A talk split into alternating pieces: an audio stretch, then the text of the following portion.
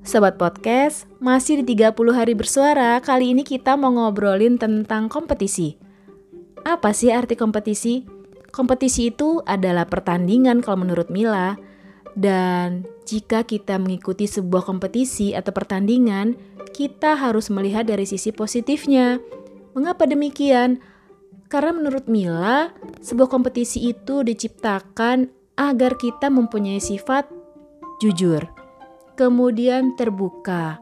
Lalu kita juga nggak egois, harus sabar dan berjiwa besar. Kenapa sih? Karena dalam setiap kompetisi itu selalu ada pemenangnya.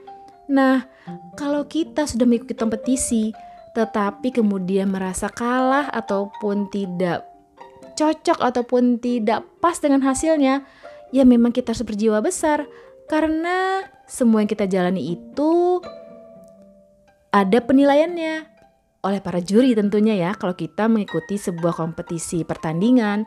Tetapi kalau dalam kehidupan jangan deh bertanding-bertanding. Ya jalanin aja seperti biasa karena kalau sebuah kehidupan diibaratkan kompetisi, maka wah menurut Mila sifat egois akan muncul tuh. Karena semua akan merasa dia yang paling baik, dia yang paling benar, dia yang paling pintar. Jadi ambillah sebuah kompetisi dari sisi positifnya ya. Oke sobat podcast, demikian cerita Mila kali ini. Sampai jumpa di episode selanjutnya, masih di podcast Suara Hati Mila. Salam sayang dari Mila.